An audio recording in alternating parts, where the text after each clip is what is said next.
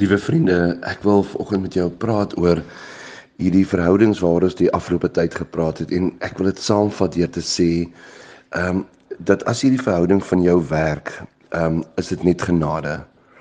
Dis net genade as ons in 'n verhouding kan aangaan. Dis net genade as ons dit reg kry om die krekels uit te stryk.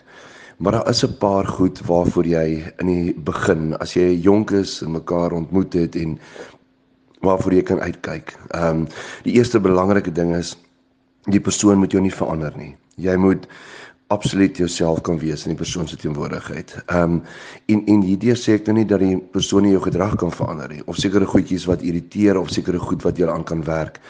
Maar jy moet kan tuis voel in die persoon se teenwoordigheid. Jy moet kan voel maar ek mag net myself wees. Met ander woorde, jy moet gemaklik kan wees en kan voel maar dit is die plek waar ek wil wees en waar ek kan wees.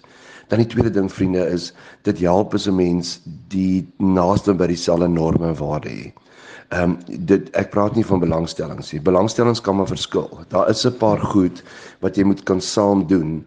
Maar maar die belangrike ding is jy moet dieselfde norme en waarde hê. Jy moet uh, altyd dieselfde dink oor geld. Jy moet ehm um, op dieselfde blad wees oor ehm um, oor oor uh, hoe jy in terme van jou geloof gaan uitleef.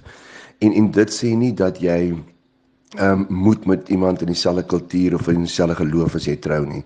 Maar dit help. Ehm um, dit help want dan is daar minder goed wat jy ehm um, aan moet werk of minder goed wat jy mekaar oor mis kan verstaan.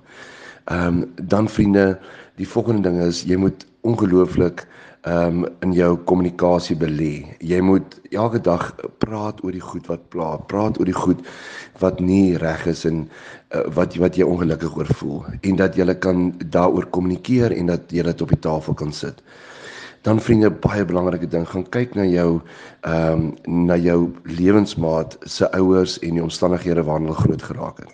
En ek sê nie ons hoef perfekte skoonouers te hê nie, glad nie. Ek sê net gaan kyk bietjie hoe sy of hy gemodelleer het. Ehm um, in watter huis het hulle groot geraak. Ehm um, hoe het jou skoonpa of jou skoonma die ander persoon hulle lewensmaat hanteer? Want dit is baie belangrike goed vir jou vir eendag voorkant toe. En dan vriende, die volgende ding is moet jy onthou dat uh, 'n uh, huwelik is 'n is 'n is 'n reis, is 'n journey. Dit is nie 'n plek wat jy bereik nie. Dit is nie so dat jy ehm um, en dan gaan daar wees wat jy meer gelukkig gaan wees as ander dae. Maar dat jy kan praat en die heeltyd hierdie kommunikasie na mekaar te kan oophou. En dan moet jy ook weet vriende dat jou dingetjies wat jy het, is nie noodwendig die belangrikste of die enigste dingetjies. Die ander persoon kan 'n goed hê wat vir hom of vir haar belangrik is. En dan die heel laaste ding, onthou dit wat jou aanvanklik die meeste aangetrek het na die ander persoon kan jou op die ou en die meeste irriteer.